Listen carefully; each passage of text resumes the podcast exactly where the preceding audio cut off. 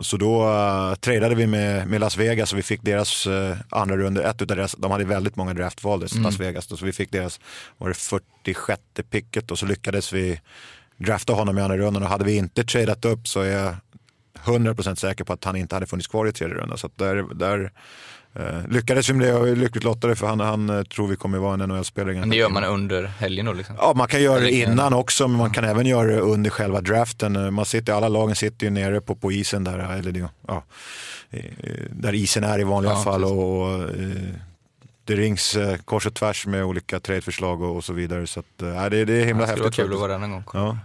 Sugen på Kolla på spektaklet. Söka nytt jobb. Ja, precis. ja, det gäller att vara förberedd när väl draftdagen kommer, ja. annars, annars uh, blir det svettigt. Nej, men någon, snart är råttet mogat alltså. Persson! Lägger på blå för loppen, kommer skjuta, fintar skott, spelar pucken höger istället, Davidsson skjuter, man lever över returen! Skottläge kommer där! Kan jag få låna micken? I mål! Missar! Hur skjuter karln? Hur skjuter han? Jag kan bara säga att det där är inget skott faktiskt, Lasse. Det där är någonting annat. Det där är liksom, han skickar på den där pucken så jag nästan tycker synd om pucken. Nu grinar när han drar till den. Utan Fröbo var målvakt! Kan jag få låna micken? Kolla! Poff! En allvarligt talad Blake Bork håller på med hockey 600 år! Kan jag få låna micken? SHL-podden från Betsson avsnitt 60 är det här. Mårten Bergman heter jag som vanligt och eh, nu, förra veckan var det Fimpen som satt bredvid mig. Nu är det Arla. Ni byts av snyggt. Så är det. Han kör boxplay, dödar tid och sen kommer du in och glänser. För att försöka. Tog även bilen upp denna gången för att vara på den säkra sidan så jag kom hit i tid. Ja, åkte du åt rätt håll? Jajamän, det gick bra. Det gick bra. Vi får köra på det i, i fortsättningen då kanske. Eh, och vi har en gäst eh, som eh, vi ju alltid har. Och eh, ja, det är ju den gäst som vi någonsin kommer ha, vågar jag säga, som har representerat flest eh, klubbar i sin karriär. Hjärtligt välkommen till SHL-podden, Josef Boumedienne. Stort tack!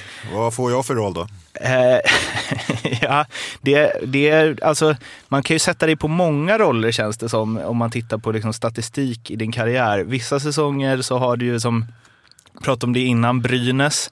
13 matcher, 6 plus 0 som back. Inte många som har, framförallt som den liksom, det finns en närliggande säsong där, där du i Södertälje har 1 plus 19. Du valde liksom utifrån vad som behövdes i lagen eller? Precis, ja. precis. Det är som man går in i en uh, godisaffär, då, då uh, finns, finns det mycket att plocka av. det, det, är inte många som jämför sig själva med en uh, godisaffär. du, um, man hamnar ju ofta i det här med eh, gamla spelare, så vi gör det den här gången också. Vad gör du nu för tiden? Uh, idag jobbar jag uh, lyckligtvis, fick, fick fortsätta jobba med ishockey, så jag är uh, ansvarig för Europascoutingen för Columbus Blue Jackets. Så jag läs, reser uh, land och rike runt och tittar på, på hockey, käkar massariner och får betalt för det, så att, finns det något bättre. det, det, är som, det är som journalister fast utan kanske den kunskapen och att vi måste skriva något också. Det slipper ju du. Ja, jag tror vi bor på bättre hotell också. Ja. okay. Rub ja, verkligen. Det kanske man eh, förtjänar då efter en lång eh, hockeykarriär. Eh, men du har ju också gjort radio förut, berättade du innan. Ja, jag har varit involverad lite faktiskt på den massmediala sidan en hel del eh, eh, under min karriär. Och jag, jag hade faktiskt en, en radioshow när jag lirade i, eller jag hade, jag var en del av en radioshow i, i, eh, i Albany, New York när jag spelade i farmarligan mitt första år som, som eh, vi hade en återkommande, eh, jag tror det var varje tisdag eller varje onsdag jag gick in på morgonen innan träningen och hade en liten eh, sit down och, och hockeysnack och, och jag tror de kallar det för Guess what boomers says. Så i slutet på, på programmet så sa jag någonting på svenska alternativt finska så fick eh, lyssnarna ringa in och, och uh, gissa vad jag sa då, vinna biljetter till, till eh, nästkommande hemmamatch. Då, så att, uh, ja, det var, det var kul. Så du känner dig bekväm i det här eh, sammanhanget? Ja, lite svårt på svenska, hellre på engelska. Jaha. Jag skojar bara. Byta, kanske skulle repat finska innan också. Ja, ja, vi ska eh, komma tillbaka och snacka en eh, hel del om ditt, dels din karriär och ditt nuvarande jobb. Men vi börjar med en faktaruta som vi kör med alla våra gäster.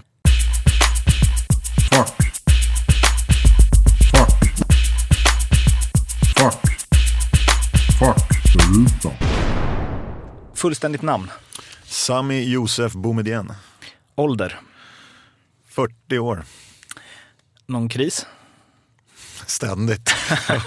Nej, ingen, ingen värre tror jag inte. Eh, vad är hemma för dig? Eh, jag säger nog som min fru säger. Hemma är där familjen är. Så att eh, vi, har, vi har rest, rest runt halva jordklotet och alltid känt oss hemma faktiskt. Eh, Men eh, just nu så, så bor vi i Sverige, Stockholm och Lidingö och eh, trivs jättebra med det. Har du någon tatuering? Ja, jag har en. Vadå? En på armen, eh, en, eh, jag vet faktiskt inte, det är någon form av fjäder och någon, någon grej som går runt armen där. Min brorsa kom hem efter att han hade rest, rest i Australien ett halvår och eh, hade en tatuering på armen och då tyckte jag han var så jäkla cool så då ville jag ha en likadan. Så när jag fyllde 18 så uh, tatuerade jag mig en likadan fast på andra armen. Mhm. Vad betyder den då? Eh, ja, det står för att vi är brorsor men jag tror att det är uh, någonting med, uh, han gjorde den i en liten by där det, den här urbefolkningen i Australien bodde då, så att, uh, heter de aborigine eller något liknande. Så att, uh, mer, mer än så vet jag inte. Okej. Är bra motivering till att göra en tatuering skulle jag säga. Ja. Alltså här, jag vet inte riktigt vad det är, men det är något för brorsan. Liksom. Precis. Har du någon eh, förebild utanför sporten? Uh, har jag det? Eh, jag gillar, jag gillar, jag vet inte om jag skulle kalla honom förebild, men jag gillar eh, att följa honom och vad han står för. Mark Cuban, som är en affärsman från, från Dallas och ägare till basketlaget där nere, Mavericks. Sen vet jag inte om jag ska kalla honom för förebild, men jag gillar att följa honom. Jag vet att han har, har eh, byggt upp sitt eget företag själv och eh, uppfostrar sina barn som arbetarkids, så att de ska inte få någonting gratis och det kan jag respektera när man verkligen har eh, satt i avtryck själv med sitt hårda arbete men ändå värnar om eh, arbetarklassens eh, värderingar och vill, att, vill uppfostra sina barn på, på det jag anser är rätt sätt. Då. Vilka, det här är ju superintressant eh, i, i det här fallet. Vilket eller vilka lag klappar ditt hjärta lite extra för? Eh, Okej. Jag, jag eh, SSK, Ja. jag har på SSK sen, var- sen barnsben. Uh, likväl Hammarby, Bayern fotboll. Eh, så att det, jag har haft årskort på, på Hammarby fotboll i 20-25 år. Och SSK har, har alltid varit eh, nära hjärtat. Jag är uppvuxen i södra Stockholm och var halvvägs, halvvägs till Södertälje, halvvägs till Hovet. Så att då vart det SSK för de var bäst just då. Anders Eldebrink var, var min stora idol när jag var liten grabb. Då, så att, eh, eh sen eh, är, det, är det där med att eh, eh, inte att livet ska inte vara för lätt va? Då, då, då är det bra att vara SSK och Hammarbyare. Måste man ju sticka in med, var det du som kastade ölen? ja, då har den varit tom. Det, men eh, ja, det, vi måste eh, verkligen eh, suga tag i Kennedys ölfirande där. Hade du valt bort det mot ett SM-guld? Eller kommer det här leva kvar så pass länge så det väger tyngre? Liksom? Själva, Ja, hans firan, allt, hela den grejen med Kennedy. För det känns som att så här, i Hammarbyland, det är liksom, de, bara, ja, det blev inget SM-guld i år, men vi har ändå det här att snacka om i hundra år framöver. ja, nej, SM, man ska inte vinna SM-guld om man är i Bayern eller lirar i Bayern. Jag minns när, när Bayern vann SM-guld i, i fotboll, då var jag i Nordamerika och eh, fick ett samtal utav, utav brorsan tror jag var, och de var ute och, med grabbarna och med polarna och firade ute på, på Söder. Och, det var ingen som riktigt visste vad de, vad de skulle hitta på. Där. Fan, vi, vi, hade Krille och klättra upp ett träd här. Och vad, vad, vad gör ni? Jag fan vet inte. Så att, eh, det hör inte riktigt till. Klättra upp i ett träd. men eh, Bayern eh, Hockey då? Du har aldrig tänkt att du ska göra något gästspel där? Nej, det har, det har jag aldrig gjort. eh, Det, Har du Bayern Fans Hockey? Bayern, Heter de det nu? Jag har faktiskt inte ens riktigt koll på vad de heter nu. Men de har, de har hyfsat bra veteranlag vet jag. Men eh, eh, nej, det, det, det, det ska vi inte överdriva det heller. Liksom det, jag, jag, jag uppskattar många, många av lagen. Jag uppskattar, uppskattar Stockholmslagen. Eh, jag tycker inte det behöver finnas någon motsättning och, och, och eh, vara var Hammarbyare men ändå eh, heja på Djurgården när det är hockeymatcher eller hoppas att det går bra för AIK och, eh, och så vidare. Så att, jag vet att det är inte många som delar min syn men, men eh, jag är på Hovet och håller på Djurgården varje gång. Jag till och med spelar i Djurgården liksom, så att, eh, jag skulle säga att eh, jag är jag är diehard Hammarbyare men jag håller på Djurgården också. Är du för Stockholm Capitals? som det snackades om ett tag. Bunta ihop dem bara, så kommer allas fans komma till Globen. Nej, ja, nej det, det kan jag inte påstå att det är. Jag tycker vi, vi är tillräckligt stor stad att, att det ska finnas, finnas utrymme att ha, ha, ha flera idrottsföreningar, flera olika sporter och, eh, och över, över två miljoner i närområdet. Va? Jag tycker att Djurgården framförallt som ligger i SHL ska kunna sälja ut Globen varenda hemmamatch mer eller mindre. Så att eh, jag tror att Columbus, staden, eh, klubben som jag jobbar för, är, är mindre än Stockholm men, men lyckas spela eh, hur många blir det? Det blir 10-15 hemmamatcher fler och, och snittar en, en, en 15-16 tusen på hemmamatcherna. Jag ser ingen anledning varför vi inte skulle kunna göra det i Stockholm också. Så att, eh, det, finns, det finns absolut utrymme för fler lag. Finns det något lag som du verkligen inte gillar? Gör det det? Nej, jag tror inte det faktiskt. Inge, inge, nej, in, inget som jag kan komma på. Så, så, du har bara haft bra upplevelser av alla klubbar du varit i? Finns ingen där det fortfarande sitter en tagg? Nej, det har ju givetvis inte bara varit, varit bra upplevelser men eh, det kan säkert delvis ha varit ens eget fel också. Så att, eh, det är inga bestående taggar, det kan jag inte påstå. Sveriges eh, bästa hockeyjournalist? Jag känner bäst i Dusan Omicevic så vi får, vi får ge det till honom. Vilken eh, spelare som eh, spelar idag eh, känner du mest eh, igen dig själv i? Mm, den var inte helt, helt lätt. Nej, jag... Finns bara ett original. ja. nej, men vad skulle det vara? Uh, jag tycker alla är så snälla nu för tiden. Uh, de är välkammade killarna så det, det, är inte så många som gör så mycket dumheter på isen som kanske jag, jag lyckades samla på mig under, under ungefär 20-17 års professionell karriär. Så att, jag, vet, jag försökte spela ett allround-spel, både, både offensivt och defensivt och, och spela lite tufft när det, när, det, när det gavs chansen. Så jag vet faktiskt inte. Nu för tiden får man så mycket skäll av alla möjliga om, om det är någon som gör något dumt på isen eller har lite så kallad karaktär. Så att, eh, det, det, är svårare att vara nu är det fyra domare också, det är två domarsystem, två huvuddomare, så det är inte helt lätt att vara kanske eh, spela med lite, li, lite på gränsen. Vi hade ju faktiskt, när vi möttes, eh, Luleå-Djurgården, den slutspelsserien, den var ju riktigt tuff. Tyckte jag i alla fall, kanske inte du tyckte det. Men jo, det håller jag med. Där, där var det tilläts eh, både ena och andra. Var det den 4-3? Ja, de hämtade upp. Vi tog, vann tre första, så vann de tre nästa, så vann vi sadden sista. Så det, det var ju en rysare alltså. Den bästa spelaren som eh, du har spelat med och då kanske det behöver inte vara den med mäktigast namn eller den som är gjort flest poäng utan den du där och då tycker är den bästa du varit i samma lag som.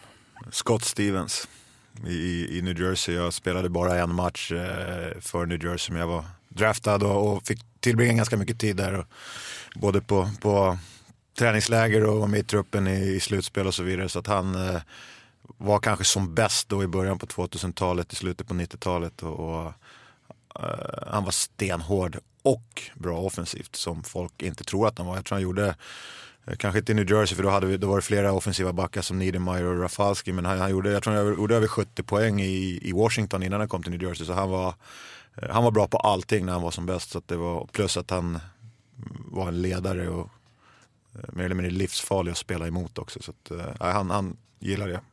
Det är Niklas Holmgren. Stevens. Kurr, kurr. Den matchen i New Jersey måste vi, du, gör en match, ett mål. Ja, det, killarna skrattade åt det att jag varit nedskickad till farmarlaget och ledde, ledde poängligan i, i New Jersey. Då. Jag fick komma upp eh, för att eh, eh, var det Niedermayer som inte hade skrivit på tror jag än. Och sen om, om det var Rafalski som blev skadad så jag var lite ersättare till de två då. Och sen så ja, fick jag spela den. Var det premiären alltså? Det var premiären ja. borta mot Washington faktiskt och, och vi förlorade, var det 6-1 och jag lyckades göra det enda målet. Så att, ja, det var en häftig, häftig erfarenhet. Men det känns som ett, liksom, jag gjorde enda, varför skickar ni ner mig? Ja, det, var, man, man, det var lite otur, för jag minns att jag tror det var sju eller åtta dagar till nästa match. Mm. Så då han, eh, om det nu var Rafalski som var skadad, att komma tillbaka.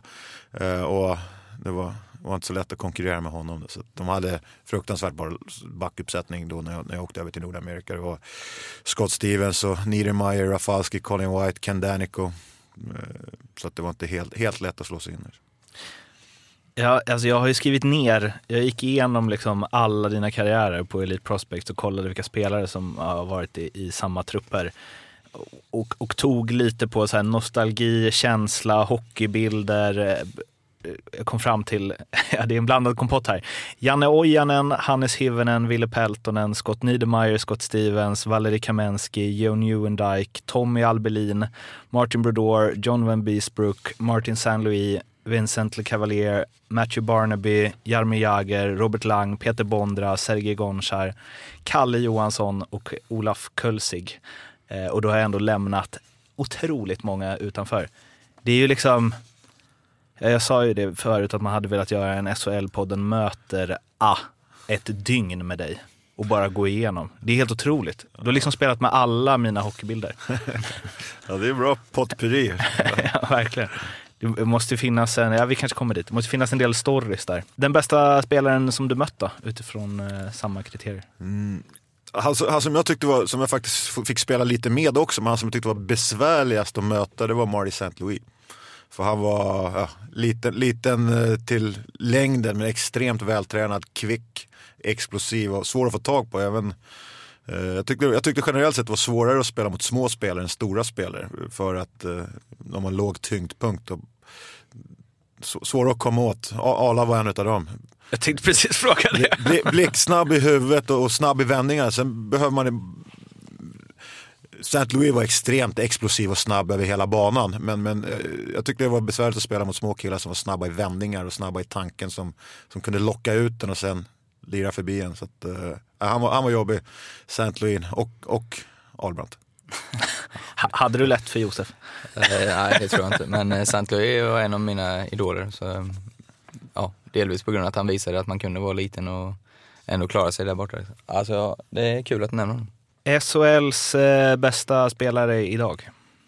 Ja, vi får säga Jakob Josefsson så som han har börjat med Djurgården. Jag har ju sett, känner till Jacke så många år tillbaka och lidit med honom i Nordamerika. Han hade väldigt mycket skador i början på sin karriär i New Jersey och sen kanske hamnade i en, eller hamnade i en, i en eh, fjärde kedja-roll eh, som center. Så det är himla kul att se att han har egentligen kunnat återuppfinna sig själv och, och eh, visa den, kvalitet, den kvaliteten han hade innan han åkte över till Nordamerika som junior i, i Djurgården. Så att, eh, ja, vi säger Jacke.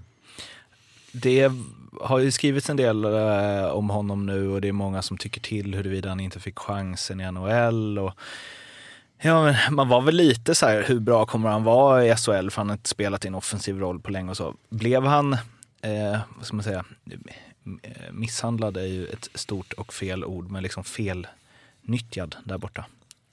S- svårt att svara på. Jag har inte, jag har inte hela, hela boken på vad som har hänt och så vidare. Men det, är, eh, det är svårt att slå sig in i topp 6 i, i, i NHL. Du måste vara extremt duktig eh, för, för att eh, du förväntas att producera liksom, för, för, framförallt om du spelar ett bra lag. Så att, eh, svårt, svårt att svara på. Jag, jag en, om vi tar en annan Djurgården som Marcus Kryger, han var fenomenal i Djurgården innan han åkte över. Och sen eh, hamnade som fjärde center och gjort det fantastiskt bra, vunnit Stanley Cup, eh, två Stanley Cup va? Med, med, är det ett eller två med Chicago.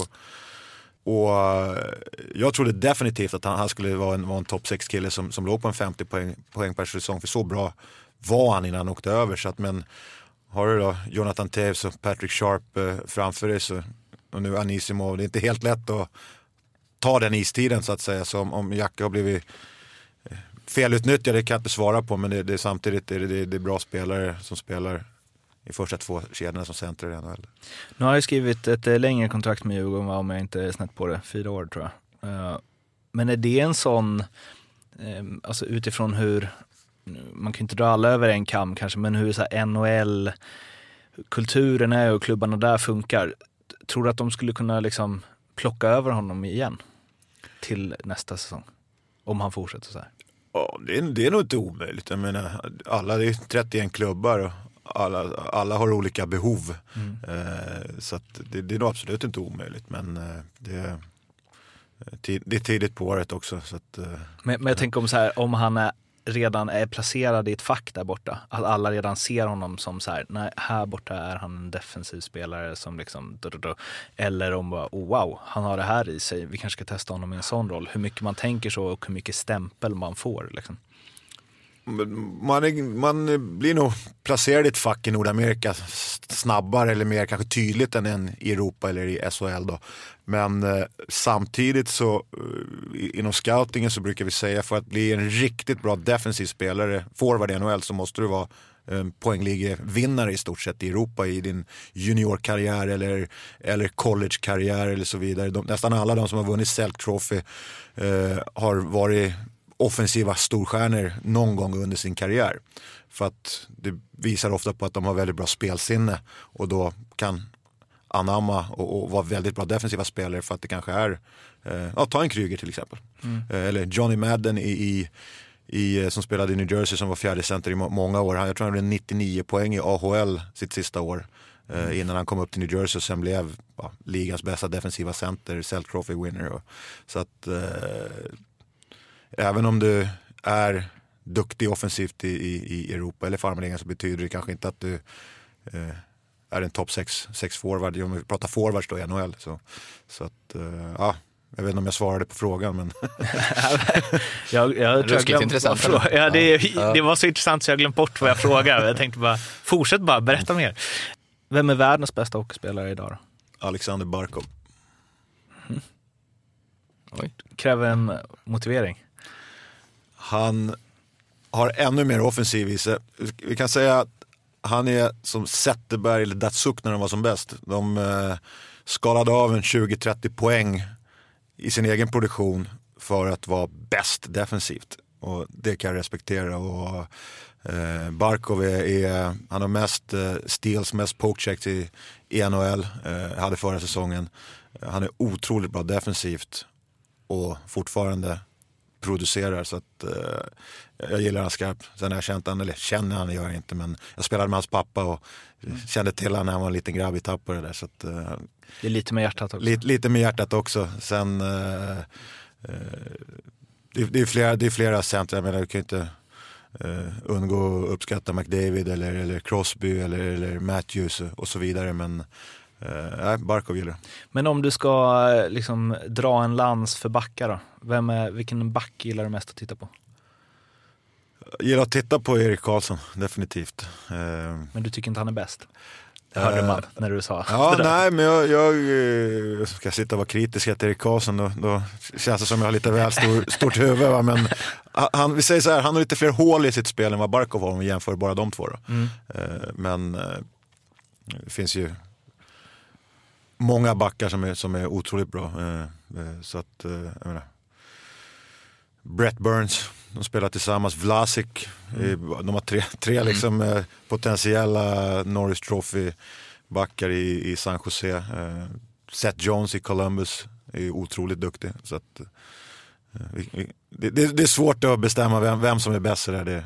Det, jag gjorde SHL på det möte med Robin Figren så var han lite inne på, ja men han spelade med Erik Karlsson, Erik Karlsson var i Frölunda. Frölunda, exakt jag kom in på att så här, att Figen kanske hade kunnat vara en Erik Karlsson typ om han hade varit back istället. Och så han bara, ja fast när jag kom fram då fanns liksom inte Uh, nu är det, det, är mycket mer manjana manjana på backsidan. Det är liksom, man ska vara flashig offensiv, det räcker liksom. Uh, tycker du att det har funnits en sån utveckling att det är mer okej okay att vara dålig defensivt som back idag än vad det var för vad vet jag, tio år sedan. Det håller jag absolut med om, att man, man ser mer genom fingrarna på misstag och så. Sen, sen eh, tror jag att det är en eh, liten missuppfattning att Erik Karlsson är dålig defensiv, för det är han absolut inte. Uh, han har pucken halva matchen, då är det svårt att vara offensiv mot honom. Mm. Uh, så att, uh, nej men man, man, man, ser, man ser mellan fingrarna mer på misstag. Jag vet bara vad våran, våran klubb jag ser, det, det, man tillåter mer, mer misstag. Men om man summerar matchen eller, eller Eh, statistiken i matchen så, så har man mer offensiva chanser än de här defensiva misstagen så, så mm, är man på rätt väg. Då. Eh, det är, eh, jag tycker i slutspel, om man tittar i, i Stanley Cup-slutspelet så görs jättemycket mer misstag än vad det gjordes för tio år sedan till exempel. Dels så är alltså farten snabbare, det är högre tempo, det är svårare att, att spela ett misstags eller mistake free, lättare, mm. bättre ord på engelska, hockey. Men, men också så tillåter man det. Så absolut, jag tror kanske eh, Eriksson var en sån som satt, satte en ny standard där han, där han liksom var extremt talangfull offensivt och, och producerade så mycket poäng så att du kunde liksom leva med att, att eh, eh, det blev lite fler mål gjorda, gjorda hemåt då, som du jämför till exempel med Lidström då, som aldrig gjorde ett misstag. Mm. Ja, det är intressant. Och det är väl där lite som så McDavid eh, sticker ut. för att eh, ja, En fråga i SHL-podden möter är om, man fick ta en egenskap från en annan hockeyspelare och addera till sig själv. Om man skulle ta. Då är det många som säger McDavid speed, men sen kommer på sig själv lite att här, man måste ju kunna hantera pucken i den hastigheten också. Eh, och det är där han är unik. Att Ja, han klarar av det. Absolut, jag var faktiskt nere här i, i, i Göteborg i, i lördags och såg matchen där, eh, eller säsongspremiären för Edmonton, New Jersey. Och, ja, det, är, det är häpnadsväckande hur han, hur han växlar tempo i mittzon varje gång han får pucken men ändå har björnkoll på både pucken och, och åkvägar och medspelarna. Så att, eh, ja, bara få hans fart, det, det hjälper nog inte om man, om man, om man inte har händerna och spelsinnet. Men det hade varit roligt om alla helt plötsligt fick den. Se vad som händer. Det är som den där sp- spinkiga liraren i Blades of Steel om ni är så, lirar- om ni är så gamla som ni lirade det. Jajamän. En spinkig halv, två tjockisar så en mellan körde man ju åt. ja, exakt. Ni kanske undrar var Stats-Jocke har tagit vägen och eh, vi kan väl kalla det för tekniskt strul tills nu. Han har suttit här och lyssnat och eh, noterat och så vidare. Men har nu fått en egen mikrofon också så då kan man väl dra den gingen kanske. Stats. Välkommen in i spelet. Tack så mycket. Jag har kastats fram och tillbaka i korridorerna. Ja. Har du granskat det vi sagt hittills och har massa och... Eh, ja, inte så massa kanske, men eh, man kan ju konstatera att Scott Stevens, eh, förutom sina 2785 utvisningsminuter på 1635 matcher, ju gjorde 908 poäng på 1635 matcher. Det är lika många matcher. Så han var ju, som Josef sa, en jävla fin spelande back och gjorde mycket riktigt över 70 poäng i sin säsong där i Washington innan han kom till Devils. Och Kryger eh, hade vunnit eh, två Stanley Cup. Asch. Jag kände det när jag sa det, att det här kommer jag få äta upp sen. Också att jag antar att om det hade funnits statistik över att det var den sämsta imitationen någonsin av Niklas Holmgren som jag levererade. Nej, det finns inga siffror på det. Men förmodligen. Det låter Ja. vara osagt. Det låter vi vara osagt. Du, eh, vi hörs om ett tag. Ja. Eller förresten, vad, vad, vad ska det snackas om idag? Eh, idag har jag gjort en liten genomgång av eh, J20 Super Elite. Jag har kollat lite på unga spelares prestationer i SHL och hur det har gått för dem sen. Jag har gjort en liten neddykning i TV-pucken och sen så kryddar vi med lite så kallade crazy stats från eh, Nordamerika. Eh, men jag undrar om inte det, eh, det är lite så här, eh, så Ulf Elving ska in här om en kvart. Eh, Så, eh, så jag vet inte hur vi ska, eh, när jag ska ta den. Ja, det är ändå en legend så då får Ja, du jag lämna känner att- Va, va, ska vi ta den nu då? Ja men det är det jag tänker. Ja. Jag vill inte sitta här mitt i Man vill, liksom... inte, man vill inte vara en stoppkloss för Nej. Ulf Elfving. Och ju när jag går igenom liksom så här McDavid vill jag inte ha Ulf Elving stå utan stirra på mig. Eh, yes, uh, nej men jag har kollat då på eh, J20 Super Elite och sen så då 18-åringars prestationer i SHL och sen TV-pucken och sen så lite Nordamerika. Och tesen vi testar helt enkelt, enkelt, eh, som ju Josef har varit inne på, som ju han är mer av en eh, specifik expert. Jag, jag har ju bara liksom gått igenom siffrorna, men det är ju att se om man, om man är grym som ung spelare i Sverige, eh, får man då en grym karriär. Och om vi börjar med J20 Super Elite som startade 94-95 så kan det ju hända så här att det vattnas i munnen när man ser mycket poäng där. Du och jag Mårten har ju många gånger snackat om spelare som liksom har öst poäng där och tänkt att liksom, ja, då är man bland de bästa i Sverige och då måste man ju bli en, eh, kanske en världsspelare.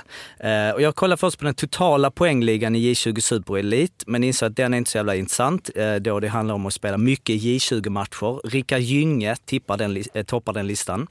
Däremot så kollar jag på de 50 spelare som gjort mest poäng per match i J20 Super Elite eh, med minst 20 spelade matcher. Där hittar vi Stefan Lundqvist i topp. En spelare som inte jag hade superkoll på. Koll på. Har ni det? Är det jo. Joel och Henriks eh, okände bror? Bry, Ter-? Nej. Han spelade i uh, Brynäs, ja precis. Han, eh, Det är så stort Dala. ja, det var mycket snyggt. Han snittar ju 1, eh, förlåt nu ska jag bara ta upp den. Han snittar ju 1,81 poäng på 21 J20 Superelit-matcher men lyckades inte så bra i SHL. Gick sedan till Skellefteå där han ju faktiskt däremot snittade ungefär en poäng i snitt per match i Allsvenskan. Eh, Men han eh, lyckades inte supermycket. Det är dock en del tunga namn på den listan. Av de 50 eh, som alltså har gjort mest poäng per match i J20 Superelit så har 14 eh, nått NHL. Eh, totalt gjort cirka 5200 poäng på 7900 eh, matcher. De tre blytunga namnen som skrapar ihop över hälften av de NHL-poängen det är ju Anse Kopitar som gjorde 49 poäng på 30 J20 Superelit-matcher i Södertälje 04-05. Bröderna Sedin som gjorde 93 på 64, 96-98. Eh, och redan här var ju fördelningen tydlig mellan Daniel och Henrik där Daniel gjorde 29 mål på 30 matcher och Henrik 29 assists på 34. Eh, Fyra av de 50 har spelat i KHL och sen 41 av de 50 eh, nådde eh, SHL och gjorde cirka 4200 poäng på 900, 9100 eh, matcher. Där har vi lite gamla SHL-ikoner som Jocke Lindström, Kristoffer Ottosson, Jocke Eriksson, Jonas Nordqvist och Magnus Kahnberg som var grymma i eh, Superelit. Eh, och det är bara forwards på den listan eh, av naturliga skäl. De tre bästa backarna som snittat mest poäng eh, i, i, i 20 Superelit eh, har väl inte riktigt levt upp till de förväntningarna de kan eh, sätta dem när de gör mycket poäng. Det är ju Marcus Fagerud, Alexander Edström och Andreas Molinder. Eh, som, eh, ja, det har väl gått okej för dem. Fyran har det dock lyckats gått okej för. Det är ju då Erik Karlsson. Här är inte åldern inräknad eh, för att man kan ju spela J20 upp till man är, ja hur gammal är, vad är max? 20 är ju rimligt. Ja. Men man får väl ha överåriga, Ja, får man inte det? jo det får Tre det. stycken va? Är det inte något sånt? De reglerna ändras lite till och från. Jag tror, jag, tror, jag är inte helt säker, jag tror inte man får ha Aurora nu. Nej, okej. Men eh, jag vet, eh, ja, när, när vi växte upp och lirade Mm. då fick man ju ofta ha tre överåriga och, så vidare, och en målvakt och så vidare. Men är det då när de fyller 20? Eller är det liksom det året? Ja, men är, du, är du född 80 så är ditt sista J20-år är ju 99-00 då, om man säger. Den säsongen. Ja, okej. Och så åldern är inte inräknad där, så jag kollade på de eh, topp 25 18-åringar eller yngre som snittat mest poäng per match i J20 Super Elite. Då kan man ändå tycka att eh, liksom, talangerna eh, kommer fram och då är det ungefär hälften, 13 stycken, något NHL av dem. Kopitar och Sedinarna är med här också. Robban Nilsson eh, toppar. Han gjorde 67 poäng på 39 J20 Super Elite-matcher innan han då, eh, ja, han var, när han var 18 år eller yngre. Eh, Och här hittar vi bland annat Frans Nielsen, Alexander Sten, William Nylander, William Karlsson och Mikael Backlund. Eh, Av de backar under 18 som snittat mest poäng i J20 Superelit hittar vi Erik Karlsson, Adam Bokvist, Rasmus Dahlin och Erik Brännström. Så rätt eh, bra backar där. Lite giftigare liga. Ja, lite 18. precis.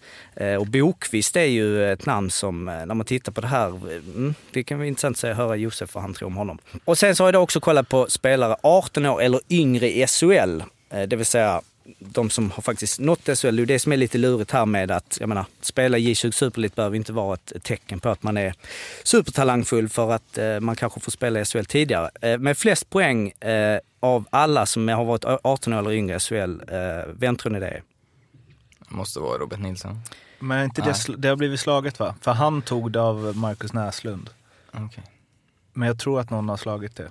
Och hur, mycket, hur, många poäng, hur många poäng var det? Men vadå, Eh. Elias Pettersson? Nej. Uh, nej, Jens, äh, Holmström, Axel Holmström kanske? Ja, det är ju då Rasmus Dahlin. 23 poäng på 60. Då är det alltså U18. Jag kollat. Men Dahlin, jag gjorde 23 på 67 eh, och där har vi Robban Nilsson trea, Niklas Sundström, Per Perjärvi, Marcus Näslund. Eh, Jesper Mattsson har vi där eh, som ett litet namn som sticker ut. Um, Men där måste man alltid eh, lägga till när man pratar om Robban Nilsson, att när han gjorde den säsongen eh, som räknas, är man B-junior då, Mm. När man, så var han också femma i Sverige i Counter-Strike. det adderar det något. måste in. det måste in. Det får vi ha statistik på eh, någon gång. Tv-spels, eh, de som varit bäst. Korrelationen emellan. där. Exakt. Mm. Eh, Men av de 25 bästa så är det 20 som nått NHL och alla har spelat minst 40 SHL-matcher. Så är man 18 eller yngre och eh, snittar mycket poäng så eh, är det ju en, en säkerhet att man att man lyckas helt enkelt. Och på topp 10 så är det nio stycken som har spelat i NHL. Och den som sticker ut lite är som jag sa Jesper Mattsson som gjorde 19 poäng på 64 elitseriematcher eh, under, eh, när han var eh, benår. Eh, men fick aldrig chansen i NHL trots tre AHL-säsonger. Eh, och eh, de som var i toppen där sa jag. Var är Foppa? Undrar ju alla. Han finns där och framförallt när det handlar om poängsnitt som 18-åring eller yngre i eh, elitserien SHL. 17 poäng på 23 elitseriematcher. Och han är rätt överlägsen på den listan. Tvåan är en liten bubblare, Patrik Putte Eriksson, som är en av de fem som inte har spelat i NHL. Eh, på den eh, på den listan över 18-åringar som har gjort mest poäng. Vi har eh, även då David Gustafsson och Timothy Liljegren som väl kanske har alla chanser att spela i NHL så småningom. Alla utom en har draftats. Bara, vem, vem gissar ni? Om vi tar den. Eh, För alla har ju spelat den. Det är ju Anders Eldebrink. Han blev aldrig draftad. Men han Ja. lyckades ändå kriga sig till, eh, till eh. Inte enligt Elite Prospect i alla fall. Vilket, Nej, ja, men det var mer en förvånande. Ja, ja, ja. Inte att jag inte trodde Nej, jag vet. Men det känns... Jag vet inte. Josefs idol. Ja, exakt. Vancouver, några matcher i Vancouver va? Eh, precis. Nu är det ju så här live. Det, det är ju det som är när man är stats, att man ska kunna det on uh, top of mind. Där. Han gjorde ju, exakt, han gjorde ju ehm, um, 43 matcher i Vancouver uh, där han gjorde 11 poäng. Uh, och sen Quebec också, 12 matcher i Quebec. Och sen ner i Fredericton Express innan han vände hem för en Södertälje-karriär som, ja, han är väl, han rankas väl väldigt högt i Södertälje. Är han en hissad i taket i Södertälje? Jajamän. Eh, självklart. Och eh, lite noterbart på den här listan det är ju att eh, Rasmus Dahlin är nia, det vill säga ehm, i poäng per match som 18-åring. Och han är ju liksom back, dock faktiskt exakt samma poängsnitt som, som Adam Larsson som ju faktiskt gick som fyra i draften 2011. Och sen har jag också bara kikat på TV-pucken för att backa det ytterligare några år. Eh, vilket är lite lurigt då för att alla poäng eh, i TV-pucken är inte registrerade. Till exempel Foppa har inga poäng, eh, vilket jag är nyfiken på. Han gjorde nog någon ass där, tror jag. Men så här, de som är, har gjort alltså topp 25 poäng i TV-pucken genom tiderna, har de lyckats? Ja, det beror på hur man ser det. Man kan tycka att det skulle gå svinbra på dem. Man skulle också kunna tänka att det är rätt många, alltså 7 av 25 eh, har lyckats eh, stort kan man säga. Det är Robban Nilsson, Filip Forsberg, Patrik Zackrisson, Gabriel Landskog, André Pettersson, William Nylander och Oskar Möller. Eh, men i topp så hittar vi dock Filip Forsmark som bankade in 28 poäng på 8 TV-puckmatcher, 13-14. Det är ändå bra. Ja, det är ändå bra alltså. Har ni koll på honom? Filip Forsmark? Nej. Nej, han var en del av eh, Eh, Frölundas eh, organisation, eh, men han fick inte chansen. Han är ganska ung fortfarande. Han är 98, så han är 20 och är nu över och spelar i Tri-City Storm i USHL. Det är många bra namn där också. Ja, eh, jag vet inte, USHL. Får Josef hoppa in? Ja, Vad är nej, det? det? Det är en bra liga. Det är den, eh, I USA den, den högst rankade juniorligan. Så därifrån går killarna direkt till college eller university sen. Så att det, den är att likställa med de kanadensiska juniorligorna, Quebec och OHL och, och Western Hockey League. Så att, eh, det, det är en bra liga faktiskt. Okej, okej. Han gjorde 22 på 58 eh, Eh, förra året som eh, 19-åring. Så han kanske är en sån som smyger in bakvägen till eh, NHL. Och som avslutning så vill jag slänga ut lite goa crazy stats. Nämligen framförallt från OHL, Ontario Hockey League, tidigare OMJHL som väl, det är väl den, är den bästa juniorligan i världen, skulle jag säga Josef. Mm, den är nog högst rankad. I alla fall därifrån det kommer flest spelare till NHL. Så att vi, får väl, Eh, vi får väl anse att det är den bästa juniorligan. Mm, man hade velat se någon slags eh, OHL och superelit eh, liksom Turnering. vari- variant. Som i och för sig, juniorhockey-VM är väl lite det. Eh, Men då har vi ju lite goa här. Conor McDavid gjorde 66 poäng på 63 matcher som 15-åring i eh, OHL då, 12-13. Eh, 118 poäng på 70 matcher, 13-14 och sen då 169 poäng på 67 matcher, 14-15. Innan han gick in direkt in i NHL därifrån och snittade en poäng per match och nu väl är ja, världens bästa spelare. Patrick Kane, lika sjuk, 06-07. Han gjorde 176 poäng på 74 matcher. Men vär- värst av alla, vem tror ni det var? I juniorhockeyligan. Sidde Kid. Sid Kid är ju med också. Eh, han gjorde ju... Eh, han kom inte med där för att han gjorde ju faktiskt bara, eh, tror jag, en... Eh, nej, han gick ju direkt från ehm, QMJHL. Mm. Alltså, eh, är det Ja, det är Quebec Major Junior Hockey League. Ja. Rimouski, Oceanics va? Eh, exakt. Han gjorde ju 168 på 62 där. Le Magnificent, han hade väl rätt bra. Mario Lemieux i, i Quebec. Han hade ju också ganska bra siffror. Han hade några sjuka siffror vet jag. Och nu är Elving två minuter. Fan, det här gick ju alldeles för, eh, tog alldeles för lång tid detta. Helvete. Eh, ja, ah, Okej, okay, här missade jag faktiskt för att han var också QMJHL. Fan, den skulle jag kolla ut mer där. Men eh, eh Lemieux gjorde 282 på 70. Oh, satan. Eh, i snitt. Men det finns ju en god stats med Gretzky ja, det det från skulle... när han var 10 bast. När han ja. gjorde så 370 50 mål på 55 ja, matcher. Men det var ju min avslutning jag sa så, vem trodde var värst? Ja, men Gretzky gjorde fast nej, han är inte lika sjuk där som eh, Lemieux, men han gjorde 208 på 77 som 16-åring. Eh, 77-78. Och sen så dock med hans siffror är det ju att han snittar ju eh, mer poäng i NHL sen. När han gjorde eh, eh, 205 poäng på 74, 83-84. Och sen min allra sista grej som är ju liksom på ett sätt lite banal, så här, irrelevant grej, men som jag kan tycka är roligt, är ju att eh, Elias Pettersson här och nu är den spelare genom tiderna med bäst poängsnitt i NHL. 2,5 poäng per match. Eh, Wayne Gretzky ligger trea på den listan. Han har några fler matcher. Och nu har han ju bara spelat eh, två matcher, så det är ju... Alltså. Får- jag slänga in en quiz? Ja. Hur många mål, nu får, inte, nu får ni inte ko- googla det här eller kolla på Elite Pro, hur många mål gjorde eh, Rasmus Dahlin på fem matcher i U16? I Lidköping. I Lidköping. Eh, U16, ja, jag säger eh, 13, 13, Fem matcher. 13. Jag vill säga 12 då. Jag säger inget för nu fick jag en lapp där det stod Elvinge här. 27 tror jag det var. Det är ganska bra.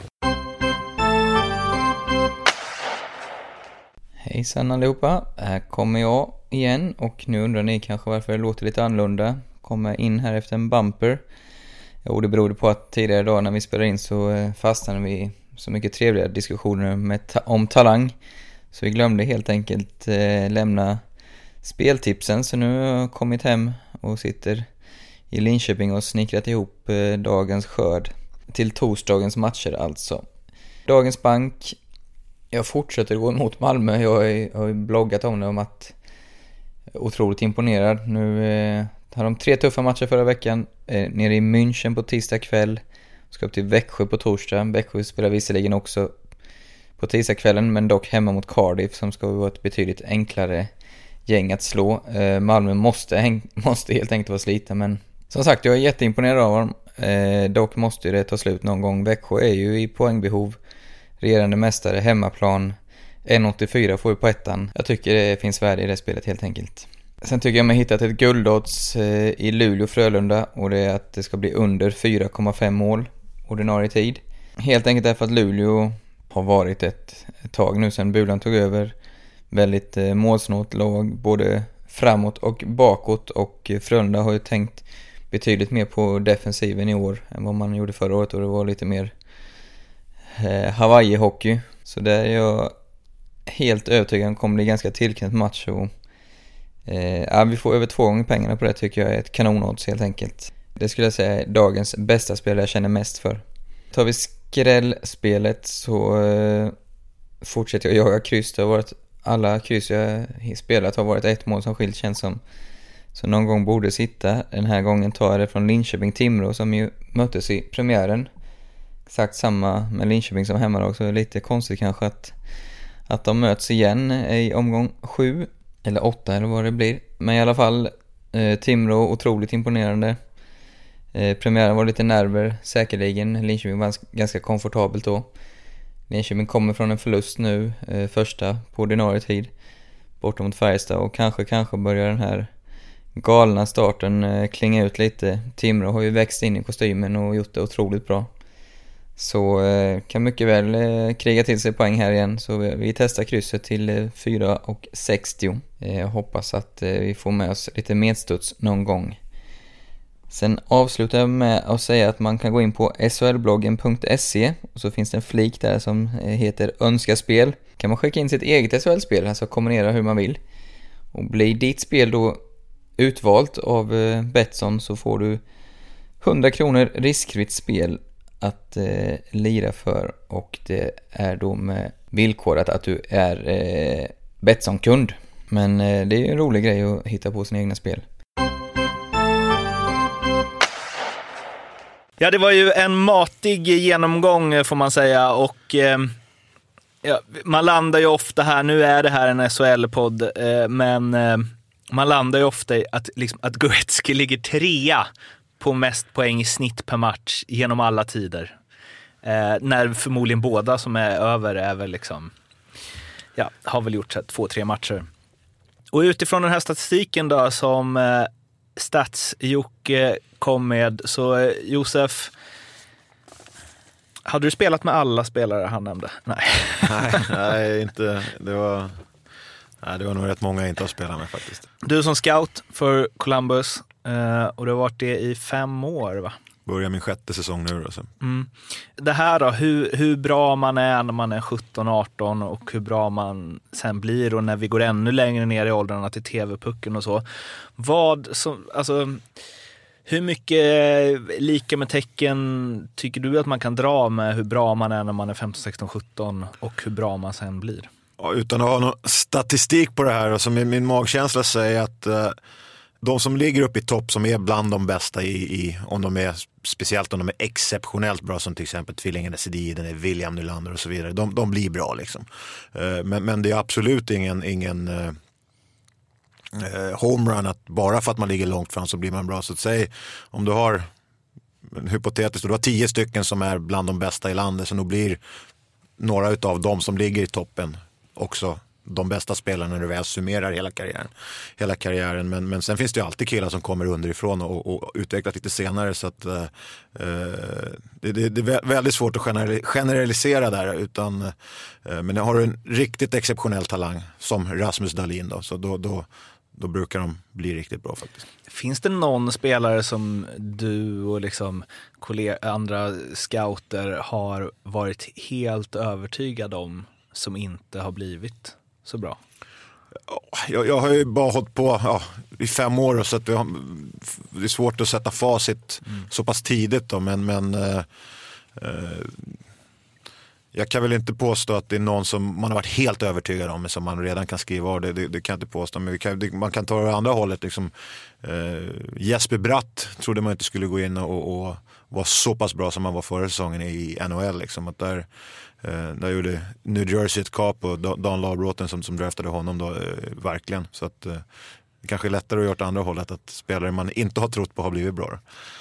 Jag tänker eh, just det, hur, alltså ska du ha killar som kommer i framtida poängliga-vinnare, vare sig det är SHL eller NHL, då tror jag att nästan alla har vunnit mycket poängliga när de var yngre. Däremot är det många som slår igenom kanske mer lite defensiva spelare som kommer upp som, som man inte ser. Men just de här poängligevinnarna, de har nog nästan alla varit exceptionellt bra, skulle jag gissa.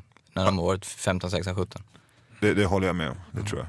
Men vad, eh, vad finns det för fallgropar där och vad kan liksom ett, eh, ja, i det här sammanhanget, i det här rummet, otroligt otränat hockeyöga som mitt tycka är liksom, oh shit, den där spelaren kommer ju bli grym.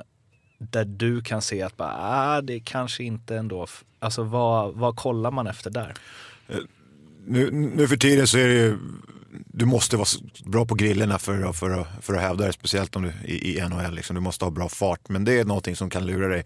Eh, du kan vara effektiv på stor, stor rink eh, som en väldigt bra skridskoåkare. Du kan i, i junioråldern kanske dominera Eh, om du är stark också, att du kan ta dig in, ta dig in på mål med pucken och du, du kan eh, blåsa förbi backar på utsidan med bra fart. Men Eh, har, har du inte spelsinnet eh, så du kan omsätta den, speciellt när du kommer till liten rink, att kunna spela i, i lite tajtare trafik och, och, ta snabba beslut med pucken så, så då, då, då, får man problem när man kommer till Nordamerika. Så just farten som man vill att spelarna ska ha kan också lura dig om, om, om du inte som scout eh, håller ögonen på vad, vad, hur eh, bra spelsinne spelaren har. Mm. Jag har mest erfarenhet av uh, fotboll, framförallt i, i spelat liksom. Och när man de som var med i så här pojklandslag och sånt och gjorde mycket mål, eh, framförallt de som gjorde mycket mål, var ju spelare som var större än alla andra när man var 15. Och i fotboll är det väldigt tydligt. Mm. Ja, och sen så ju- blir de bara så här, det slutar med 25 matcher i Örebro och sen så harvar de på i någon mittenlag i Superettan. Liksom. All respekt till det, men eh, mot hur bra de var när de var 15. Sen finns det ju tydlig statistik också, både i fotboll och hockey också tror jag. Kollar du på ungdomslandslagen så är ju, tror jag det var 75-80% är ju födda första halvåret. Så det blir ju lite skev, eh, skevt där i och med att, ja de är ju ofta fysiskt mer eh, färdiga helt enkelt. Så då blir man ju bättre i just den åldern. Men det är ju intressant att höra som Josef säger, som scout skulle jag ju också till väldigt, väldigt stor del kolla spelsinne och ja, alltså hockey känns mycket mer än fysiska, hur väl man är fysiskt eh, vid den åldern. Mm. Hur, hur tidigt kan man se sånt? då? För jag kommer ihåg jag såg en sån knattematch i en paus. Eh, och vad kan de varit? De kanske var men hur gamla är de när de åker på ett led och ramlar i en hög och sen vänder och åker åt den? Är de sju? Sju, åtta. Ja. Eh, I Leksand såg jag en sån. Men då var det liksom en av dem och då är de ju inte fem mot fem utan då är de ju typ så här 12 mot 12. Eh, och den som tar pucken passar aldrig. Men en av dem, han tog, så här, han tog burskydd med pucken han liksom, och letade läge och då tänkte jag så här Oj vad det måste vara jobbigt för den spelaren att spela med dem. för att det var ju ingen så, alla var ju bara så här, men passa, jag står på offensiva blå liksom. Hur tidigt kan man se det där? Det är nog svårt att säga, men just i den åldern, jag har ju grabbar som lirar hockey och, och är involverade i, i ungdomshockeyn ute på Lidingö. Och, eh, där är det ju den som gillar hockey mest och åker mest skridskor på allmänheten, så på allt det här, det är han som är bäst i ung ålder. Liksom. Och det är ju ingen likhetstecken med att det är han som är bäst när han är 20 då, absolut inte. Eh, svårt, svårt att svara på när, när man kan börja se den. Det, eh, det är egentligen kanske det är lättare att fundera på det från det nordamerikanska perspektivet där man har select väldigt tidigt och man väljer ut och det, det är liksom selekterade lag ända från man är 7, 8, 9, 10 år och, och, och där, där får de ju fram väldigt bra spelare både i Kanada och USA. De får, får fram världsspelare. Men de har, Sverige är överlägset bäst på att ta fram NHL-spelare per capita, per utövare. Jag tror Kanada har över 700 000 registrerade ishockeyspelare. I Sverige har någonstans runt 70-80 000. Eh, så att där försöker man ju selektera tidigt och se vem som är bra. Och självklart så kommer Crosby eller, eller McKinnon eller de här killarna, Gretzky, de kommer ju komma fram. De kommer fram oavsett. Men jag tror att man eh, tappar flera på vägen som är potentiella liksom, riktigt bra spelare. Vilket vi i Sverige traditionellt sett har varit väldigt bra på att liksom, låta alla få vara med. Ju längre upp i åldern och spela multipla sporter. Så att eh, jag, jag, skulle säga att det är otroligt svårt eh, och att i, i tidig ålder. Jag menar, inför draften, vi kollar på killarna som är 17 som fyller 18 och det mer eller mindre omöjligt att veta vem som kommer bli NHL-spelare förutom de här absolut bästa då, då som Ra- Rasmus Dahlin till exempel. Eh, Men eh, nu hade man ju velat att eh, det här var en, vad heter det, vlogg istället så att vi hade kunnat rita och visa lite här. Men när, du, när man kollar, alltså spelsinne, alltså man vet ju vad det är, men när man ska titta efter om andra har det, vad, för är det några speciella situationer som du tittar på, alltså oavsett om det är en offensiv spelare eller defensiv eller så, eh, där det är så här, om spelaren inte gör så här i den situationen så saknar den något. Liksom. Nå- Något som jag gillar personligen att titta efter eh, det är när, när det uppkommer oförutsedda situationer då pucken studsar på något knä eller något, kommer en konstig studs från sargen och spelaren i fråga då i offensiv zon får pucken precis vid sina fötter. Att han där och då kan ta ett blixtsnabbt beslut. Lägga en backhand upp en kasse på bortre stolpen där det är oförutsedda saker som händer. Det är inte den här när du står i passningsficka i powerplay, står och vickar, håller i, håller i, lägger en passning efter ett givet mönster. Rätt eller fel, men det är något jag gillar att titta efter och se hur, hur killar kan liksom blixtsnabbt processa eh, situationer. Jag gillar att titta killar som vet när de får pucken, vad motståndarna de har koll på det. De vet, ja, jag får en pass där, den, eh, nu vred jag mig från micken. Jag får en pass från vänster så jag tittar där men likväl vet jag att det kommer en back och kommer anfalla mig bakifrån från höger. Eh, ja men sånt, eh, vissa, vissa har ju det och vissa har det inte. Det, jag, eller, nu har ju vi hållit på med det hela livet men det är ändå hyfsat eh, enkelt tycker jag att, se. ja, det låter Men, kaxigt. ja, men där måste man ju också då gå in på så här, för att jag kan ju sitta och titta på fotboll ibland på alltså absoluta toppfotbollen, liksom Champions League, VM, Premier Mm. League och så. Och ibland kan jag tänka så här, var, visst det är en annan vinkel med kamera och så vidare, men jag tänker så här, hade jag varit där, det går fort, absolut. Men ibland tänker jag så här, varför passar de inte? Och typ att, så här, att Pirlo var ett sånt fenomen. Jag tänker att alla borde ha det spelsinnet som han har. Eh, och då då, när ni har spelat på liksom högsta nivå i hockey. För i fotboll så tror jag att du kan vara sjukt snabb, sjukt tekniskt, bra skott och halvdant spelsinne och ändå ta dig till toppen. Kanske inte bäst i världen, men du kan ändå bli... Ja, ja, jag håller inte med. Okej. Jag, jag tror ju alla bollsporter, de absolut bästa är ju de med bäst spelsinne. Så du, du kan inte vara eh, bland de bästa i världen utan att ha något extremt.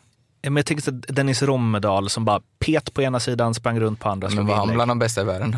Nej men alltså du kan ta dig till topp, du kan Ja, spela, ja. du kan liksom vara Ja, ett kan... väldigt välavlönat fotbollsproffs under en hel karriär. Eh, Men i hockey då, då och liksom från vad ni, har ni spelat med spelare i liksom SHL-nivå eller högre som ni, så här, den ser inte det som Oh ja. ser. Ja, Ja precis. ja, absolut. Ja, det, det finns på alla nivåer, det finns i NHL också, där du kan ha killar som, som Ala till exempel, eller ta en Linus Klasen. De, liksom, de skulle gått in och producerat i NHL om de hade blivit satta i en sån roll och få göra det de är duktiga på. Sen har man brister i andra saker i spelet. Och det, det är liksom, eh, spelsinne kan du ha bättre och vara lönfett och spela i division 2 i Sverige än faktiskt en NHL-spelare. Rent spelsinne, men sen är det mycket annat som, som du ska vara duktig på, mer än spelsinne. Så. Men de absolut bästa, om vi pratar om det, de har alla exceptionellt spelsinne. Vem är den bästa spelaren i förhållande till sitt spelsinne? Som, Den som har sämst spelsinne. ja, alltså. exakt. Oh, det här är en sågning. Ja, exakt. Ja, men det är ju ändå så här. Ja, men det blir ju ofta någon supersnabb då som, som lever mycket på det kanske. Jag, jag, jag vänder på det och säger Conny Strömberg tvärtom. Han var inte bra på så mycket annat än spelsinne. Ja, men fan, jag vill ha, har du ett namn eller? Ja, det, är- vad ska man säga? Jag, Alltså som så här, mer kör på sin energi och rivighet och kämpar och bra skott, men som liksom inte snappar upp luckan som finns. Det finns ju många som helst. det finns ju många som helst. Så att det, det, nej, men de här tra traditionella, liksom, men de, de börjar ju bli en eh, utdöende släkte. Som, de kanske inte var där för sitt, sitt spel utan liksom, NHL tough guys. Liksom. Det, det, det var ingen fest att lira smålagsspel med dem på träningarna, det kan jag inte, det kan jag inte påstå. Många puckar som bara gled ut till ingenstans eller? Var många, man slog många icing i uppspelen. Nej, det, fanns ingen där man trodde. Okej. Det är, jag gillar att det är så. Att även på den nivån som man bara, vad håller ni på med? Varför åker ni inte där vi sagt? Är det Lex Romedal eller? ja, exakt. Eh, Men han var ju så snabb. Alltså, om man kan göra tjockisfinten på VM-nivå, då tycker jag att det är okej. liksom. Ja, att ja. man inte har någon spelsinne. All- Alla har funktion att fylla. Han har funktion att fylla. Jag skrev upp lite spelare som jag eh, utgår ifrån att du har varit med och sagt ditt om vid draften eh, sen du eh, började scouta för Columbus. Eh, Alexander Wennberg, Marcus Nuttivara, Jonathan Davidsson, Kevin Stenlund, Oliver Björkstrand och William Karlsson var innan. Ja, han draftade vi aldrig, han tradade vi till och Just från det, ja, och det var därför jag skrev upp det, för jag vill ändå prata om den. Men eh, de spelarna, hur mycket ligger du bakom att det är de som ni plockat från Sverige? Alexander Wennberg, det var året eh, innan jag började, men jag var med lite grann på våren och hade väl några åsikter om det, men jag är inte jätteinvolverad eh, i honom. Och sen Björkstrand spelade i Nordamerika, i, borta i, i Portland Winterhawks när han blev draftad, så han hade ingen, ingenting att säga till om. Men alla andra där som du nämnde har väl har varit ganska drivande och, och, och eh, bankat i bordet för. Um, om vi börjar med Jonathan Davidsson då. Mm. Vad är det som gör att han inte är redo än? Jonte var ju på, på training campen nu och gjorde faktiskt väldigt bra ifrån sig. Eh, och skulle kunna spela i NHL i år, det tror jag. Eh, sen, sen är det alltid kontraktssituationer, hur många spelare man har under kontrakt. Eh, spelare har no trade class, spelare kan inte bli flyttade och sen hur mycket skulle Jonte ha fått spela om han hade varit kvar? Är det bättre då att få en jättestor roll i Djurgården? Förmodligen. men men det Jonte kanske kan bli, bli lite ja, utveckla mer för nästa år när, när han förhoppningsvis spelar hos oss, det är att bli lite starkare, framförallt i överkroppen. Han är extremt stark och explosiv i benen och bra skridskoåkare men kan bygga på sig från, från naveln och uppåt något kilo till med muskler så kommer han ha en ännu bättre trainingcamp nästa höst. Och eh, om vi tar eh, Kevin Stenlund då? Hur ser du på? Ja, Kevin eh, kom över och eh, öppnade väldigt många ögon på trainingcampen och var faktiskt väldigt bra. Eh, jag tror att en li liten rink passar Kevin Kevin ännu bättre än den stora rinken där, där eh, hans eh, kvaliteter eh, kommer fram. Han kommer med till pucken, han får, får fler pucktouch och han är stark, han, han har bra spelsinne i anfallszon. Eh, och sen så eh, blir han tvingad att åka mer. Kevin har en bra skridskoåkning. Eh, det ser ut som han kanske inte alltid åker så mycket skridskor, vilket förmodligen är sant. Men när han väl åker så är han en bra skridskoåkare. Han var femma i, i våra skridskotester av 60 spelare, så han kan åka skridskor. Så att, och det kommer han lära sig. Pratade inte du väldigt gott om honom förra? Ja. Vi har samma smak här. Nej men eh, jag märkte det tidigt när jag kom till HV att eh, han har ett jäkla spelsinne som kanske inte folk eh, tänkte på. Han slog många så här passningar som, ja, som inte många ser helt enkelt. Eh, sen, hans problem tycker jag var att han, han föll ur matchen lite. Han var lite, inte bekväm, men han, han eh, tog inte för sig så som man skulle kunna för han har, han har alla kvaliteter, eh, verktyg i lådan. Så jag eh, väntar bara på att han ska explodera. Vad säger du om Arlas analys? Nej, alla har något jobb eller vill du bara skratta? ja, gärna. ja, nej, men det, han, han, jag, tror, jag tror Kevin blir, han kommer bli NHL-spelare. Ingen snack om saken. Och, och eh, vi fick eh, Dubinski skadad en månad här eh, för någon dag sedan. Så vi får hoppas att det förr eller senare öppnas upp en möjlighet för Kevin att komma upp. Han gjorde mål i AHL-premiären i år också för, för Cleveland, farmarlaget. Om vi Eh, jag kikar kika lite på en sån som eh, William Karlsson som ni eh, tradade till er och jag antar att du har järnkoll på honom. Hur, eh, nu går vi lite ifrån men eftersom han har liksom eh, ja, men han har ju några år på nacken ändå och i NHL och så. Men ändå, eh, han var en jättetalang liksom i ung ålder också. Eh, hur kan det bli så att han liksom i Columbus, han kämpar på, gjorde det helt okej okay och så. Och samma i Anaheim. Och bara exploderar på det sättet som han gjorde i Vegas. Ja, man kommer låta lite stöddig om jag hävdar att jag har facit på det här så det tänker jag inte göra. Men han, eh, William var extremt talangfull offensivt. Eh, både i J20 Super Elite, i, i Västerås, i Allsvenskan och i, i HV71 innan han åkte över. Eh, Blev väl aldrig spe, spelade i en sån roll när han spelade varken i Anaheim eller hos oss i Columbus utan han var tredje, fjärde center, tredje center, väldigt bra på döda utvisningar. Fick knappt beträda isen i powerplay. Då är det svårt att producera offensivt. Eh, och sen förra året i Vegas då, så, så fick han allt det här. Då. Eh, spelade i en topp toppkedja med Marshes och Smith, vad tror jag. Eh, gjorde han 46 mål eller 43 mål, men han sköt extremt. Han hade hög skottprocent. Eh, så jag tror han sköt någonstans över 20-23 poäng, eller 23 procent. Det är extremt högt. Det är extremt högt, så att uh, han gjorde förmodligen mer mål än, än vad han borde ha gjort. Då. Mm. Så att det blir jätteintressant att se om man kan följa upp det i, år. Han hade, hade han två assist, uh, var det i natt eller var det igår, men, men se vart, vart det landar. För att var det en så kallad one hit wonder att han hade en, en lyckosam uh, säsong förra året, är det, är det den nivå vi kan förvänta oss? Det, det blir intressant att se, men Eh, Eh, just varför han inte, för att svara på frågan varför han inte gjorde mer poäng hos oss, det var dels att han spelade längre ner i, i, i line-upen. Eh, och eh, eh ja, det, det, det, är svårt att ha det offensiva självförtroendet om du inte blir satt i de situationerna. Hur går snacket eh, liksom i Columbus när man väljer att släppa honom och sen så gör han den säsongen? Ja, det var ju nog ingen som såg att det skulle hända så, men sen det var ju den här expansion draften mm, när Las Vegas Eh, fick, fick välja spelare, en, en, spelare från varje lag och vi, vi, vi var tvungna att ta ett beslut vilka vi skulle göra tillgängliga då för, för expansion draften och eh, och det är tio man fick skydda? Man, man fick det var olika beroende ja. på hur många backar och forwards. Eh, var det tre backar, sju forwards, en målvakt eller åtta spelare totalt. Jag kommer inte ihåg exakt hur reglerna var. Men vi, hade, ju- vi, vi gjorde en affär med, med, eh, med Las Vegas där de inte tog vad vi ansåg var viktigare för oss, att få behålla Korpisalo, vår andra målvakt, eh, eller eh, Alexander Wennberg, Josh Anderson som vi hade tvungna att, lämna oskyddade. Så att vi, vi kände att vi var, det var den, po- centerpositionen var den vi var djupast på, eller hade mest djup i, då vi hade Pierre-Luc Dubois som var på väg upp eh, och, skulle ha speltid förra året. Så vi ville absolut inte bli av med, med William Karlsson men det var just då var det rä- rätt beslut och sen var det rätt beslut efter förra säsongen. Förmo- förmodligen inte. Draftade ni Marcus Karlberg nu? Ja, precis.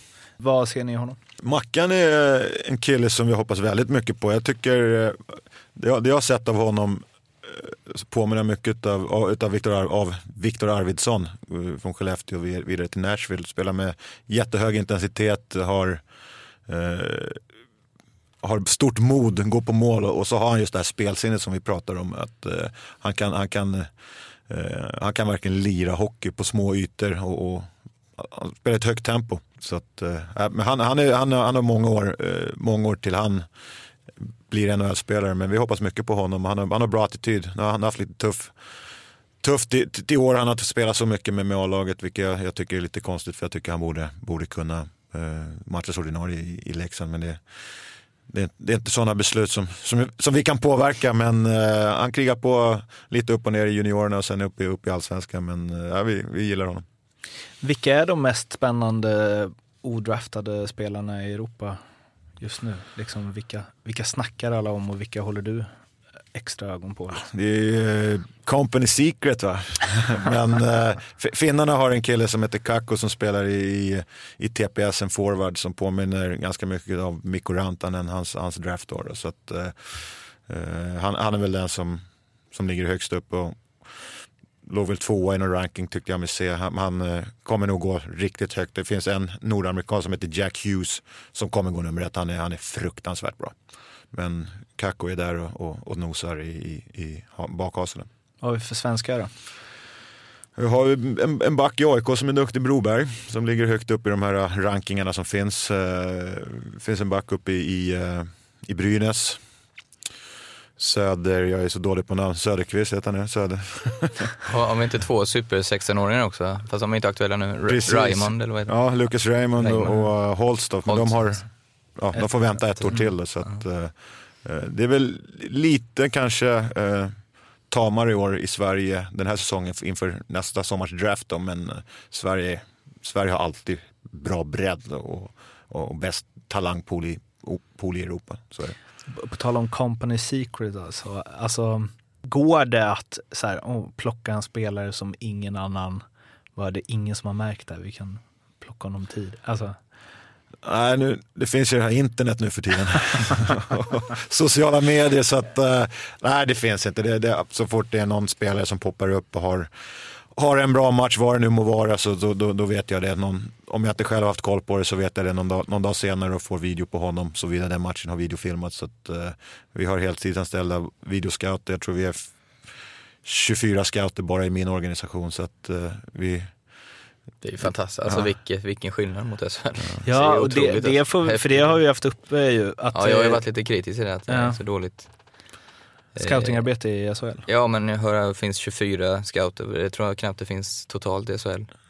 Nej, så det är, det är nog svårt att smita förbi det där nålsögat att man inte vet vem det är. Sen, kan, sen är det ganska fascinerande hur olika man kan tycka. Mm. Man har suttit på samma match och, och man kan faktiskt tycka ganska olika om en spelare. Så det är lite av tjusningen också. Men får jag sen fråga, just, jag är ju, tycker det skulle vara kul, alltså just själva draftdagen eller helgen som det är i Vegas Det, det måste ju vara ett jäkla spel alltså. Ja. Hur, hur är det med just det, här, vågar vi vänta och ta han till nästa runda eller kommer någon jäkel ta han? Alltså det måste ju vara så mycket om både kohandel och, det måste vara rätt häftigt. Nej, det, det är spännande faktiskt. Det, det, man får lite puls. Det, det, det är mer spännande och roligare än vad jag, för, förväntade mig att det skulle vara innan, innan jag var del av det. Så att vi, vi, eh, vi scoutar ju hela året och, och, och gör våra listor inför, inför draften. Då, och, eh, vi delar upp i olika spelarkategorier i olika runder. Vi tror att vi kan drafta den här killen och, och sen får man eh, försöka, det är, försöka lista ut vilka andra lag som skulle kunna vara intresserade av den här spelaren. Hur många draft picks har det här laget i varje olika runda? Och är det så att man är jätteorolig att vi vill verkligen ha den här killen, eh, som vi till exempel, för, inte nu i sommar, sommaren innan, då hade vi varken ett första val eller ett andra val i draften som vi hade tradat bort då. Men vi ville verkligen eh, lägga vantarna på en fransk kille som, som heter Alexander Texier. Uh, så då uh, tradade vi med, med Las Vegas och vi fick deras uh, andra runda, ett utav deras, de hade väldigt många draftval, mm. Las Vegas, då, så vi fick deras, var det 46 picket och så lyckades vi drafta honom i andra rundan och hade vi inte tradat upp så är jag 100% säker på att han inte hade funnits kvar i tredje rundan. Så där, där Uh, lyckades vi med det och är lyckligt lottade för han, han uh, tror vi kommer vara en NHL-spelare. Men det gör man under helgen då? Liksom. Ja, man kan göra det innan också, men man kan även göra det under själva draften. Uh, man sitter, alla lagen sitter ju nere på, på isen där, eller ja, där isen är i vanliga ja, fall. Och, och det rings kors och tvärs med olika tradeförslag och, och så vidare. Så att, det, det är himla ja, häftigt. Det var kul att vara där någon gång. Ja. Sugen på kolla på spektaklet. Söka nytt jobb. Ja, precis. ja, det gäller att vara förberedd när väl draftdagen kommer, ja. annars, annars uh, blir det svettigt.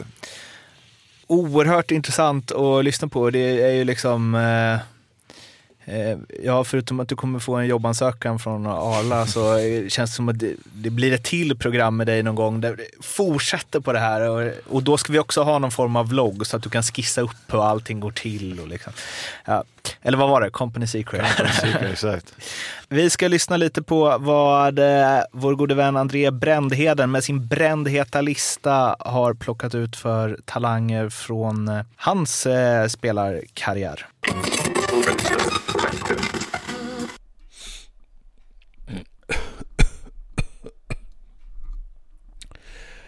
De där ynkliga husten och snorvlingarna, de tillhör André Brännheden som är tillbaka med sin brännheta listan. Ny vecka, nya möjligheter, ny förkylning, tack för den. Den här veckan förstår jag att ni ska prata lite mer om talanger och därför så passar det väl bra om min lista också handlar lite om just talanger. Jag har faktiskt tagit fram de tre största talangerna som jag har spelat med eller mot. På tredje plats så håller jag en som jag spelade i VM 2003, eh, Robert Lillkenta Nilsson och eh, det var ju en otrolig talang som hade fått lite av eh, det medfött kan man väl lugnt säga. Och just det är ju en typ av talang kan man säga där man har det i blodet, man har höga krav på sig från sin omgivning, från sin familj kanske, i vissa fall i alla fall, att man ska bli minst lika bra som sin far. Och det kan vara rätt så jobbigt. Robban tror jag hade rätt så mycket av det här. Han eh, var ju med i junior-VM som två år yngre, eh, med, eh, som 85 då och eh, han eh, var ju otroligt uppmärksammad då både i svensk och kanadensisk media när vi var och spelade JVM i Kanada. Och det blev väl okej, okay, men, men inte mer. Och framåt sett också för Robban så har han ju varit bra, men kanske inte riktigt blivit den där topp-toppspelaren som man hade förhoppningar om att han skulle bli eller som man kanske spådde han skulle bli. Och det här är väl en typ av talang. Det är väl den här talangen med silverfatet. Alltså det är ganska uppdukat och klart. Eh, man kanske har väldigt mycket i generna och behöver inte kriga det där super lite extra för att få med sig eh, lite medstuds helt enkelt. Talang nummer två som jag vill uppmärksamma det är ju en annan typ av talang. Det är den här talangen som är lite oslipade diamanten som döljer sig liksom bakom en svart kolbit. Eh, och det här pratar jag i det här fallet om Erik Karlsson som jag stötte på när jag var i Södertälje. Då var han där som J18-spelare och det var ju inte inte bara ris kan man säga utan nej, inte bara ros menar jag. Eh, utan han fick ju mycket skit av sådana här svårt med skolan, det funkar inte riktigt på isen. Han trivdes kanske inte helt hundra i Södertälje. Eh, men han var med oss lite och tränade och wow säger jag bara. Där såg man väl direkt att ge han bara någonting så blir det här succé. Eh, det där någonting fick han ju sen när han stack till Frölunda och fick lite guidning. Och det har ju tagit han ganska långt kan man väl säga. Det där är en annan typ av talang och det är den här talangen som, som har det. men som är lite kantig på något vis. Man är liksom inte riktigt... Det krävs att någon liksom så rycker tag i en, ruskar ur en det som finns där och, och liksom hittar de här nycklarna för att man ska gå och ta nästa steg. Eh, och den hjälpen fick ju Erik i Frölunda helt klart. Talang nummer tre. Då nämner jag Hampus Lindholm som eh, spelar i Anaheim idag. Han, eh, han är en annan typ av talang som jag har stött på. Det, det är en talang som är en lite mer tystlåten, ödmjuk och väldigt harmonisk kille som kommer upp eh, från egentligen ingenstans och så, så gör man det så himla bra. Precis som att man är född för att spela seniorhockey. Man är liksom bättre i seniorhockeyn än i juniorhockeyn. Och Hampus hade det när, vi, när han kom upp till oss då. 2011 var det väl när han började vara med och bidrog starkt till att vi tog steget upp i SHL innan han stack till, till eh, andra sidan. Så att det är en annan typ av talang. Det är den här talangen som, som är lite mer försiktig och tystlåten. Eh, och lite mer eh, genuint liksom kaptensämnetalang. Eh, det finns sådana där ute också. Alltid hårt tränande, alltid liksom 100% seriositet och allt det där. Det är en typ av talang. Så att eh, det var mina tre talanger och eh, ganska hyfsade spelare allihopa får man väl säga. Så fram tills nästa vecka. Ha det gott. A bientôt.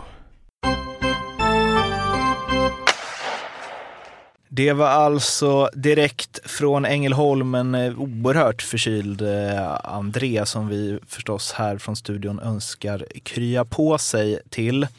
Vi ska ta och eh, wrappa ihop det här med ett quiz som sig bör och eh, ni verkar ju ha bra koll på statistik eh, genom åren. Eh, Arla vet vi ju sedan tidigare men du... Ja, jag känner mig underlägsen nu. Det är kul att vara underdog också. Jag säger det, jag var, jag var bra innan internet. Så eh, Stats-Jocke får komma in i studion och köra sitt quiz. Den här programpunkten är fortfarande lite under utveckling så då kör vi en tredje quizform form, form av tre möjliga.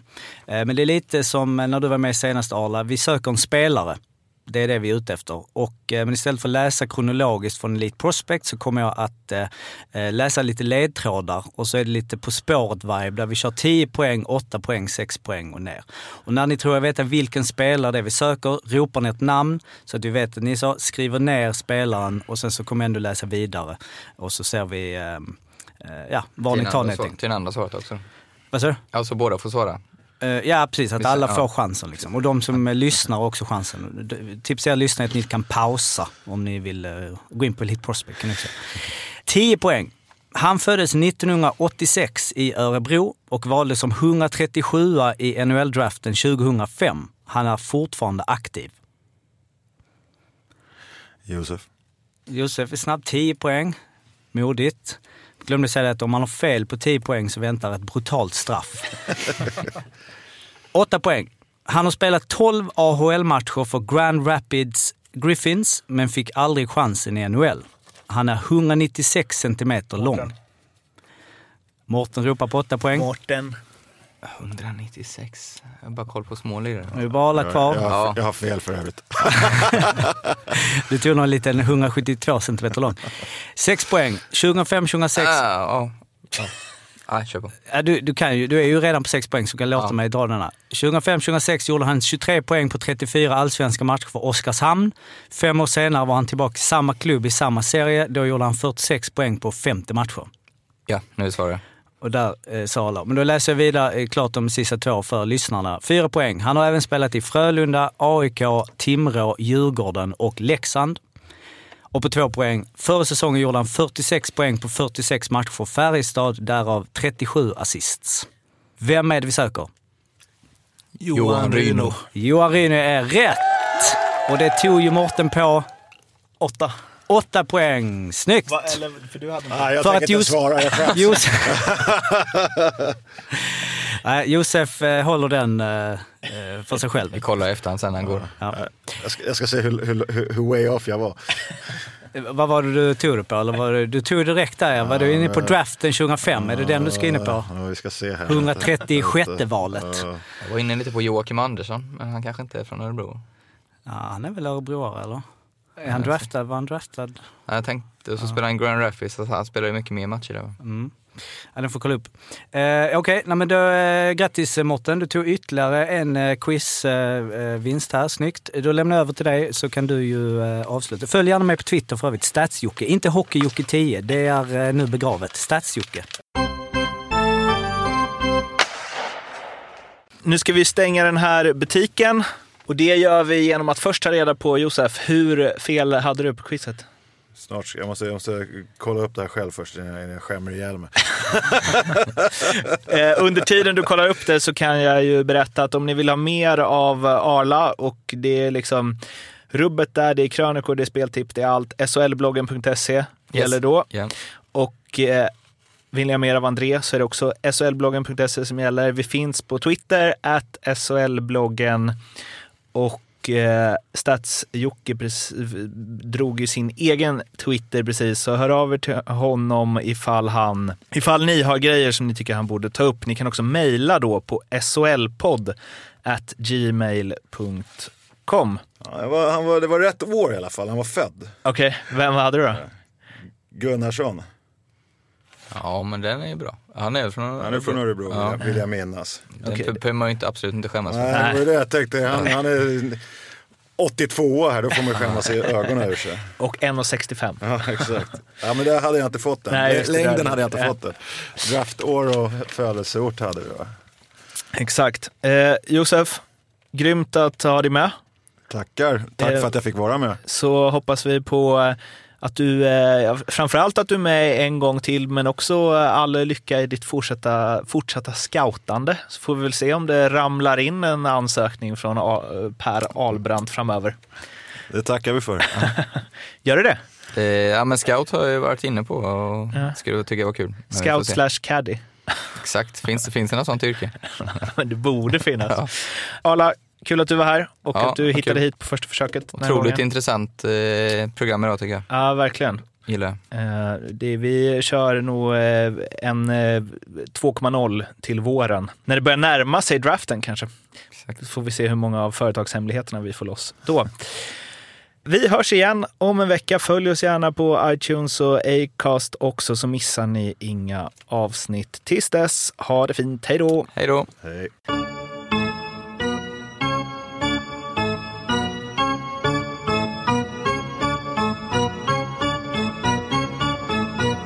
SHL-podden görs av mig, Mårten Bergman, tillsammans med Joakim Österberg för Betssons räkning och produceras tillsammans med SMT Radio.